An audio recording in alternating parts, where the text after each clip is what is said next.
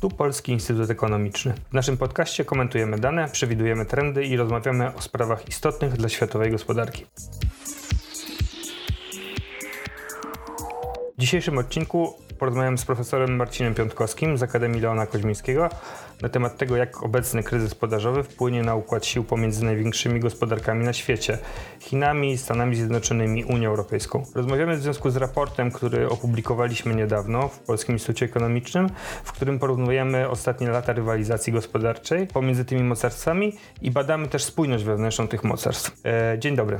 Dzień dobry panu naszym dzisiejszym podcastem przerywamy serię rozmów o globalnym szoku podażowym, o inflacji, niedoborach surowców, e, problemach na rynku energii, e, w transporcie międzynarodowym. Dlatego na początku naszej rozmowy dzisiejszej chciałem zapytać pana, jak pan sądzi, kto z wielkich e, graczy, największych graczy gospodarczych może zyskać, jak to stracić na obecnych problemach podażowych. Wiemy już, że po pandemii nastąpiło to przesunięcie od, towar, od usług w kierunku towarów. Ludzie kupują kupują więcej produktów i pytanie, czy w związku z tym zyskują Chiny, które są fabryką świata, e, czy może także dla nich obecne perturbacje są problemem i w dłuższej perspektywie będą skłaniać odbiorców do poszukiwania nowych źródeł dostaw, e, nowych lokalizacji produkcji. Myślę, że na globalnym szoku podażowym nikt nie korzysta. Chiny też nie korzystają, dlatego że po prostu e, setki miliardów dolarów ich eksportu jest opóźnione, nie może dotrzeć do Ameryki. Teraz na co dzień mieszkam w Waszyngtonie i cokolwiek kupuję, trzeba na to czekać kilka miesięcy i często to są też produkty wytwarzane w Chinach, więc e, Chiny mogą relatywnie mniej tracić niż reszta świata w krótkim okresie, ale też na tym traci. Nikt naprawdę nie chciałby, e, każdy chciałby, żeby te, te szoki podażowe, te, te zablokowane porty, te e, brakujące kontenery, żeby sobie z tym jak najbardziej i najszybciej poradzić. W długim okresie mm, myślę, że, że to przyspieszy ten proces zmiany łańcuchów dostaw na świecie z wielu przyczyn i geopolitycznych i, i, i, tego, co pokazała epidemia i teraz tego, co się właśnie dzieje e, z powodu epidemii. Myślę, że to, to przyspieszy ten proces zmiany łańcucha dostaw. Mniej się będzie relatywnie produkowało w Chinach, więcej w innych krajach świata.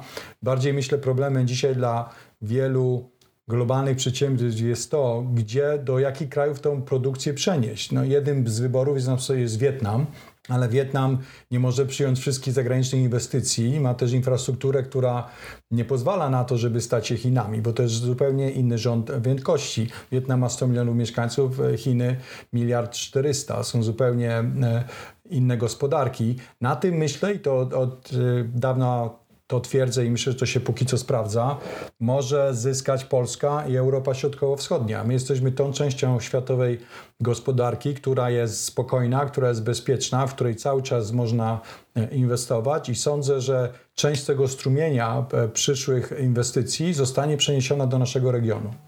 Czy w związku z tym e, też opisujemy w raporcie tę mm, te taką zaostrzającą się rywalizację pomiędzy największymi mocarstwami, głównie USA i Chinami? Polska, poza tym, że no oczywiście powinna stwarzać korzystne warunki dla przyciągania inwestycji, jakoś w tej, w tej zaostrzającej się rywalizacji chińsko-amerykańskiej powinna się plasować, jaką grę powinna prowadzić wobec Chin, bo mamy coraz bardziej asertywną właśnie politykę też krajów Unii Europejskiej, państw Unii Europejskiej, e, zmianę, e, prawdopodobnie zmiana władzy rządu w Berlinie też przyniesie bardziej asertywną niemiecką politykę, a nasza gospodarka jest bardzo sprzęgnięta z tą, z tą niemiecką. Czy jaką grę tutaj my jako państwo możemy prowadzić e, w stosunku do Chin i tak, żeby, żeby właśnie nie stracić, a zyskać na tej, na tej na tej rywalizacji? Więcej pragmatyzmu, mniej dogmatyzmu. Ja sądzę, że Polska w y, i, I, w teorii, i w praktyce. Aha. W teorii to, że powinniśmy patrzeć na każde pomysły, szczególnie od naszych Ameryka pochodzące od naszych amerykańskich przyjaciół, jako te, które nie można y, w oczywisty sposób przyjmować, bo Ameryka y, inaczej patrzy na Chiny. To jest wa walka globalnych hegemonów. Myślę, że Europa ma inną politykę, ona nie jest e, amerykańska, ona jest europejska i Polska może sobie też znaleźć pragmatyczne miejsce, jak w tej komplikującej się globalnej sytuacji politycznej, jak znaleźć coś, co e, pozwoli nam cały czas handlować z Chinami. Trudno sobie wyobrazić, żeby Polska mogła właśnie z przyczyn doktrynerskich przestać handlować z największą, z, z, Chinami, które za chwilę będą największą gospodarką świata i będą to największą gospodarką do, do końca naszego życia i naszych dzieci i wnuków. Więc nie możemy sobie pozwolić na to, żeby Chiny zignorować z przyczyn dogmatycznych i ideologicznych, a pragmatycznie to uważam, że powinniśmy znajdować nisze, w których możemy współpracować. Oczywiście oprócz, e, począwszy od handlu i tutaj szczególnie po stronie polskiej jest wiele do zrobienia, czy mamy na tyle towarów i usług, żeby w ogóle się dostać na rynek chiński. Widzę też duże miejsca do współpracy w dziedzinach takich jak zielone innowacje. Chiny z, z wielu powodów, również dlatego, że są największym źródłem emisji globalnych, e, bardzo inwestują zupełnie ogromne kwoty, dziesiątki, setki miliardów dolarów w zielone innowacje. Wyobrażam sobie, że fajnie by było, gdyby polskie, polscy naukowcy i polskie przedsiębiorstwa w tym właśnie zakresie, w tej niszy współpracowały z Chińczykami i coraz bardziej się od nich uczyły. Jakie to technologie tam powstają? Chciałbym, żeby powstawały polskie, polsko-chińskie joint ventures, najlepiej e, z 51% polskim udziałem, które by te technologie sprzedawały w Europie i również, które by te technologie rozwijały na europejskim rynku. Więc Konkluzja jest taka, nie bądźmy dogmatyczni, bądźmy pragmatyczni. Każdą decyzję musimy się zawsze zastanowić, jak najmniej stracić i jak najwięcej zyskać. Mhm. Natomiast to jest wszystko się odbywa, w, w, e, miałoby odbywać w kontekście prowadzonej na forum Unii Europejskiej dyskusji autonomii strategicznej, e, wprowadzenia procedur screeningowych dotyczących inwestycji zagranicznych. Mhm. To na pewno jakoś tam mm, no, też wpływa na te, na te potencjalne pola zaangażowania, a zielone technologie też są tą tą, tym obszarem, gdzie Chińczycy chcieliby europejskie know-how pozyskać. Czy to z kolei nie stwarzałoby nam jakichś wyzwań właśnie w kontekście z naszymi zachodnich, w kontaktach, inwestycjach y, ze strony naszych zachodnich partnerów, nie tylko Stanów Zjednoczonych, ale właśnie też poszczególnych państw y, Unii Europejskiej? Na pewno nie bądźmy liderem antychińskiej koalicji. To byłoby doktrynerskie i niepragmatyczne. Unia jako całość i inne kraje będą e, prowadzić ta polityka rzeczywiście w stosunku do Chin się będzie zmieniać, ale zupełnie nie ma powodu, żebyśmy my musieli stawać w pierwszym szeregu. Pod wieloma względami jesteśmy takim krajem, który geopolitycznie e, i, i geograficznie e, może skorzystać z tej renty naszego e, położenia i tego, że też nie, póki co nie jesteśmy uważani za, za, za kraj, który się jednoznacznie opowiedział za jednym czy drugim partnerem. Więc cały czas uważam od od y, kolei szerokotorowej i chińskich pociągów e, przyjeżdżających do, e, do Polski pod Łódź. Chciałbym, żeby te pociągi były pełne nie tylko w jedną stronę, z Chengdu do, do Łodzi, ale żeby były pełne polskich produktów w drugą stronę, z Łodzi do Chin. I myślę, że geopolityka nie powinna nam w tym ruchu e, pociągów przeszkodzić. Jeszcze podrążę wątek chiński, ponieważ pracował Pan w Banku Światowym e, w Pekinie, e, doradzając rządowi chińskiemu. Chciałem zapytać, czy, mm, czy mimo, że mm, właśnie mm, Chiny w ciągu ostatnich lat, co pokazuje w tym naszym opublikowanym ostatnio raporcie o mocarstwach, do którego przeczytania wszystkich słuchaczy zapraszam. E, mimo tego wzrostu chińskiego, e, Chiny nie znalazły się w jakimś takim momencie, który może być momentem zwrotnym. E, widzieliśmy ostatnio na przykład problemu bańki na rynku nieruchomości, ale to jest tylko jeden z symptomów różnych, różnych problemów, które trawią Chiny, między innymi też, też bardzo duże e, zróżnicowanie sytuacji gospodarczej pomiędzy prowincjami chińskimi, co też pokazujemy w raporcie. Pan w pańskiej książce Europejski Lider Wzrostu analizuje e, to, co przyczyniło się do polskiego sukcesu gospodarczego po transformacji i mówi pan, że y, tam między innymi, że jednym z takich kluczowych czynników było istnienie inkluzywnych instytucji gospodarczych. Czy dla dalszego rozwoju Chin E, na przykład powstanie takich e, inkluzywnych instytucji gospodarczych mhm. może byłoby jakimś takim kluczowym, kluczowym, potencjalnym motorem dalszego wzrostu. Czy tutaj widzi Pan perspektywę że Chińczycy dalej mogą na tym modelu, którym, w którym mają w tej chwili budować dalej swój sukces, czy, czy, czy, czy istnieje dla nich jakieś ryzyko wyzwanie? Jasne. Na początku warto wytłumaczyć, że inkluzywne instytucje to są takie, które tworzą możliwości rozwoju co do zasady dla całego społeczeństwa, czyli są inkluzywne. I przeciwieństwem inkluzywnych e, instytucji są oligarchiczne instytucje, czyli takie, w którym elity tak projektują system polityczny i ekonomiczny, żeby tylko te elity pozostały u władzy i gospodarczej, ekonomicznej i politycznej. I, I, historia gospodarcza pokazuje, że kraje, które stworzyły oligarchiczny system, się nie rozwijają, bo te elity się tylko reprodukują i reszta społeczeństwa nie ma szansy na rozwój. A wśród kraj, 45 krajów na świecie, które osiągnęły sukces i które e, są rozwinięte, wszystkie są inkluzywne. Inkluzywne zdefiniowane jako inkluzywność polityczna, czyli te kraje są demokracjami, jak i inkluzywność ekonomiczna, co na przykład widać po tym, że te kraje wszystkie mają niski bądź średni poziom nierówności, a w związku z tym relatywnie niski poziom e, czy, barier dla e, mobilności społecznej. Tu nie do, mówimy o Chinach, znaczy Chiny ta, nie, ogólnie, nie Chiny, Chiny to oczywiście wielka ciekawostka i w pewnym sensie ironia, mają dzisiaj wyższy poziom nierówności E, dochodowych niż e, w wielu krajach Zachodu, a nawet wyższy niż w Ameryce. I Władze Chin z tego zdają sobie sprawę. Prezydent Chin Xi Jinping dwa miesiące temu ogłosił nową inicjatywę, którą nazwał Common Prosperity, czyli prosperity dla wszystkich, i właśnie próbuje przeciwdziałać temu właściwie samo napędzającemu się procesowi alienacji elit, tak to E, nazwijmy. Pytanie, czy jakie konkretne działania pójdą za tą koncepcją, bo w Chiny moje doświadczenia z pracy w Pekinie przez ostatnie 4 lata były takie, że jest bardzo wiele dosyć ogólnikowych i ogólnych polityk, y, których nie do końca wiadomo, jakie konkretne instrumenty zostaną użyte. I, I, w Chinach to też ma swoją specyfikę. Ale może konkluzja jest taka, że Chiny osiągnęły zupełnie niewyobrażalny sukces gospodarczy. To nigdy w historii ludzkości coś takiego się już nie powtórzy. Chiny wyciągnęły z biedy w ciągu ostatnich 40 lat prawie 900 milionów ludzi, ale cały czas Chiny mają bardzo daleko do poziomu życia i jakości życia na Zachodzie, bo przeciętny poziom dochodu Chińczyka to jest mniej niż 1 trzecia tego, co w Ameryce. I myślę, że dopiero ta trudna część chińskiej transformacji i doganiania Zachodu dopiero się zaczyna i jest, i jest wielkie pytanie, czy im się to uda korzystając z takich innych instytucji, szczególnie politycznych, niż, niż na Zachodzie. I nawet gdyby się to udało i gdyby Chiny stały się tym bogatym krajem, to dalej to byłoby 46 do 1, czyli byłby jedynym krajem, który ma trochę inny system niż pozostałe.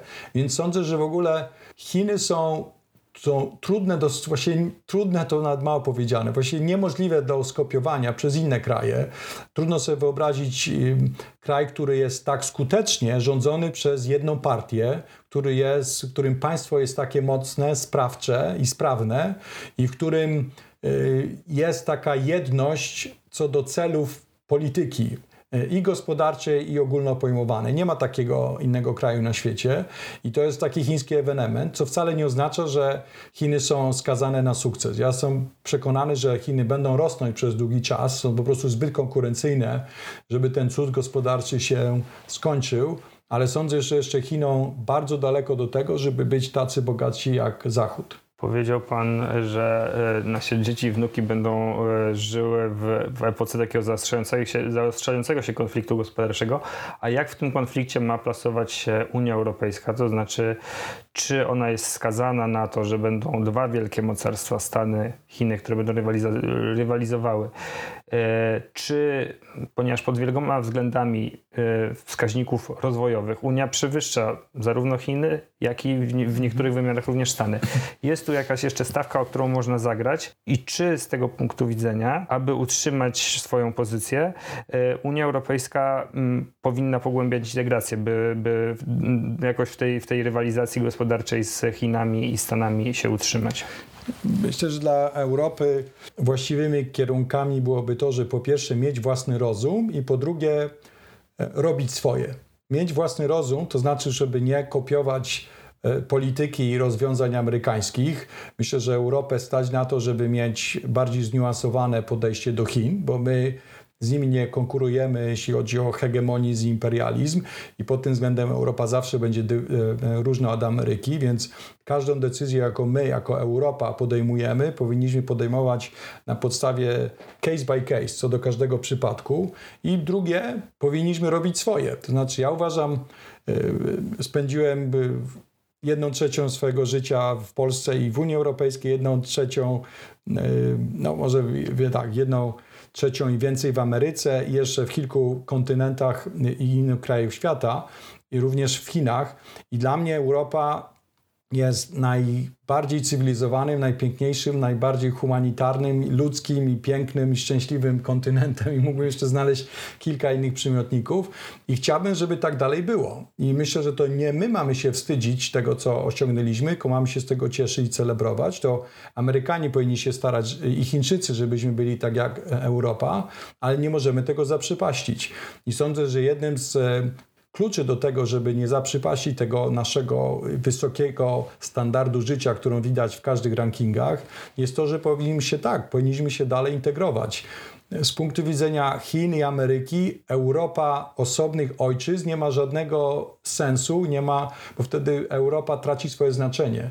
My będziemy mogli cokolwiek powiedzieć w tej walce dwóch Goliatów, jeśli będziemy mieć w miarę wspólne zdanie, jeśli będziemy w miarę zintegrowani i jeżeli będziemy mówić jednym głosem. Im więcej tych głosów będzie, tym będziemy po prostu mniej mieli do powiedzenia, a może nawet zostaniemy zupełnie zignorowani. A Chińczycy dążą do, mm, zacieśnienia takich bilateralnych relacji z państwami, e, z państwami także Unii Europejskiej, e, mm, więc trzeba tutaj bardzo, bardzo rozsądnej polityki, żeby jakoś to e, wybalansować w ten sposób. Proszę powiedzieć, Powiedział Pan o, o, no o tej de facto epoce zimnej wojny w relacjach, ale czy z punktu widzenia Stanów Zjednoczonych to ta taka no, protekcjonizm handlowy wobec Stanów Zjednoczonych, y, wobec Chin, asertywna polityka jest jedynym wyjściem, żeby utrzymać się w, w, roli y, wielkiego mocarstwa, czy może można by wrócić do starej gry y, handlu, który przynosi korzyści wzajemne, czy to już jest stracony, stracony, stracony moment, dlatego że, y, że Chiny są na takim poziomie rozwoju, że ich rozwój może następować tylko poprzez, poprzez szkodzenie interesom Stanów Zjednoczonych, mówiąc wprost, gospodarczo. Ja myślę, że epoka wolnego handlu z Chinami jest za nami, a nie przed nami. Sądzę, że te cieplarniane, cieplarniane geopolityczne warunki dla rozwoju chińskiego się skończyły i trudno sobie wyobrazić, żeby z przyczyn strategicznych to się szybko zmieniło. Owszem, kiedyś taryfy i cła spadną, bo nie mogą być zawsze takie trumpowskie i wysokie, no ale jak widać, wszyscy krytykowali Trumpa za jego politykę protekcjonistyczną, a Biden, nowy prezydent demokratyczny, niczego w tym tej polityce nie zmienił. Bo jeżeli jedną rzecz, która łączy i demokratów, i republikanów w Ameryce, jest to, że sprzeciwiają się Chinom. Więc e, myślę, że polityka handlowa Ameryki będzie ofiarą e, tych e, szerszych szerszego kontekstu strategicznego, co nie oznacza, że Ameryka oczywiście nie będzie chciała współpracować z Chinami na przykład w dziedzinie zmian klimatu i dzięki Boże, dzięki Bogu, bo inaczej mielibyśmy z tym globalny duży problem. Co może robić Ameryka? Myślę, że o tym jest cały czas debata i o tym są przecież ostatnie jeden duży pakiet prezydenta Bidena. Ameryka musi zrobić swoje, musi odrobić własne zadanie domowe, E, mianowicie polegające na tym, że sama zacznie inwestować swoje konkurencyjne muskuły. E, Amerykanie nas i siebie przyzwyczaili, że to oni są centrum cywilizacyjnym i technologicznym świata i może się dobrze stało paradoksalnie, że teraz się boją, że tym centrum przestaną już być. Plus tego, tego strachu jest taki, że Amerykanie zainwestują o wiele więcej w siebie i zainwestują w wiedzę, w naukę i innowacje. I oni na tym zyskają, ale również również zyska na tym ludzkość, jako my wszyscy. Więc cieszę się, że ta rywalizacja Chin z Chinami spowoduje, że najprawdopodobniej postęp technologiczny globalny przyspieszy, bo wszyscy będą z sobą konkurować, inwestując więcej w badania i rozwój. I niech póki co tak będzie. Więc jest, są jakieś pozytywy tej, tej, e, e, tej powiedzmy zimnej, e, zimnej wojny. Tak jak kiedyś Europa Zachodnia stała się bardziej socjaldemokratyczna i cywilizowana, dlatego że wszyscy się bali Związku Radzieckiego i dzięki temu mamy taką miłą i socjaldemokratyczną demokratyczną Europę jak teraz z dużym welfare state. Bez ZSSR to by się nigdy nie udało. Tak wierzę, że ta rywalizacja z Chinami E, doprowadzi do tego, że, e, że Zachód się zreformuje w dobrym kierunku, w którym inaczej kto wie, czy, czy, by, czy by miał szansę się zreformować. Postawi na wyścig o, o innowacje. Nie wyścig zbrojeń, ale wyścig o innowacje. No niestety i to, i to, I to ale... I to. A y, czy na koniec chciałem Pana zapytać o to, y, jak to y, wygląda, jeżeli Pol chodzi o polski rozwój, wzrost gospodarczy i społeczny w, w swojej książce o m, polskim sukcesie gospodarczym. Ciekawie Pan pokazuje, że w tej długiej perspektywie do sukcesu gospodarczego przyczynił się w pewien sposób PRL mhm. przez to, że zniósł właśnie te oligarchiczne instytucje, wypłaszczył strukturę klasową, mówiąc wprost. Co w tej sytuacji, kiedy już dokonuje się konwergencja z Zachodem, jeżeli chodzi o wiele wskaźników, mm.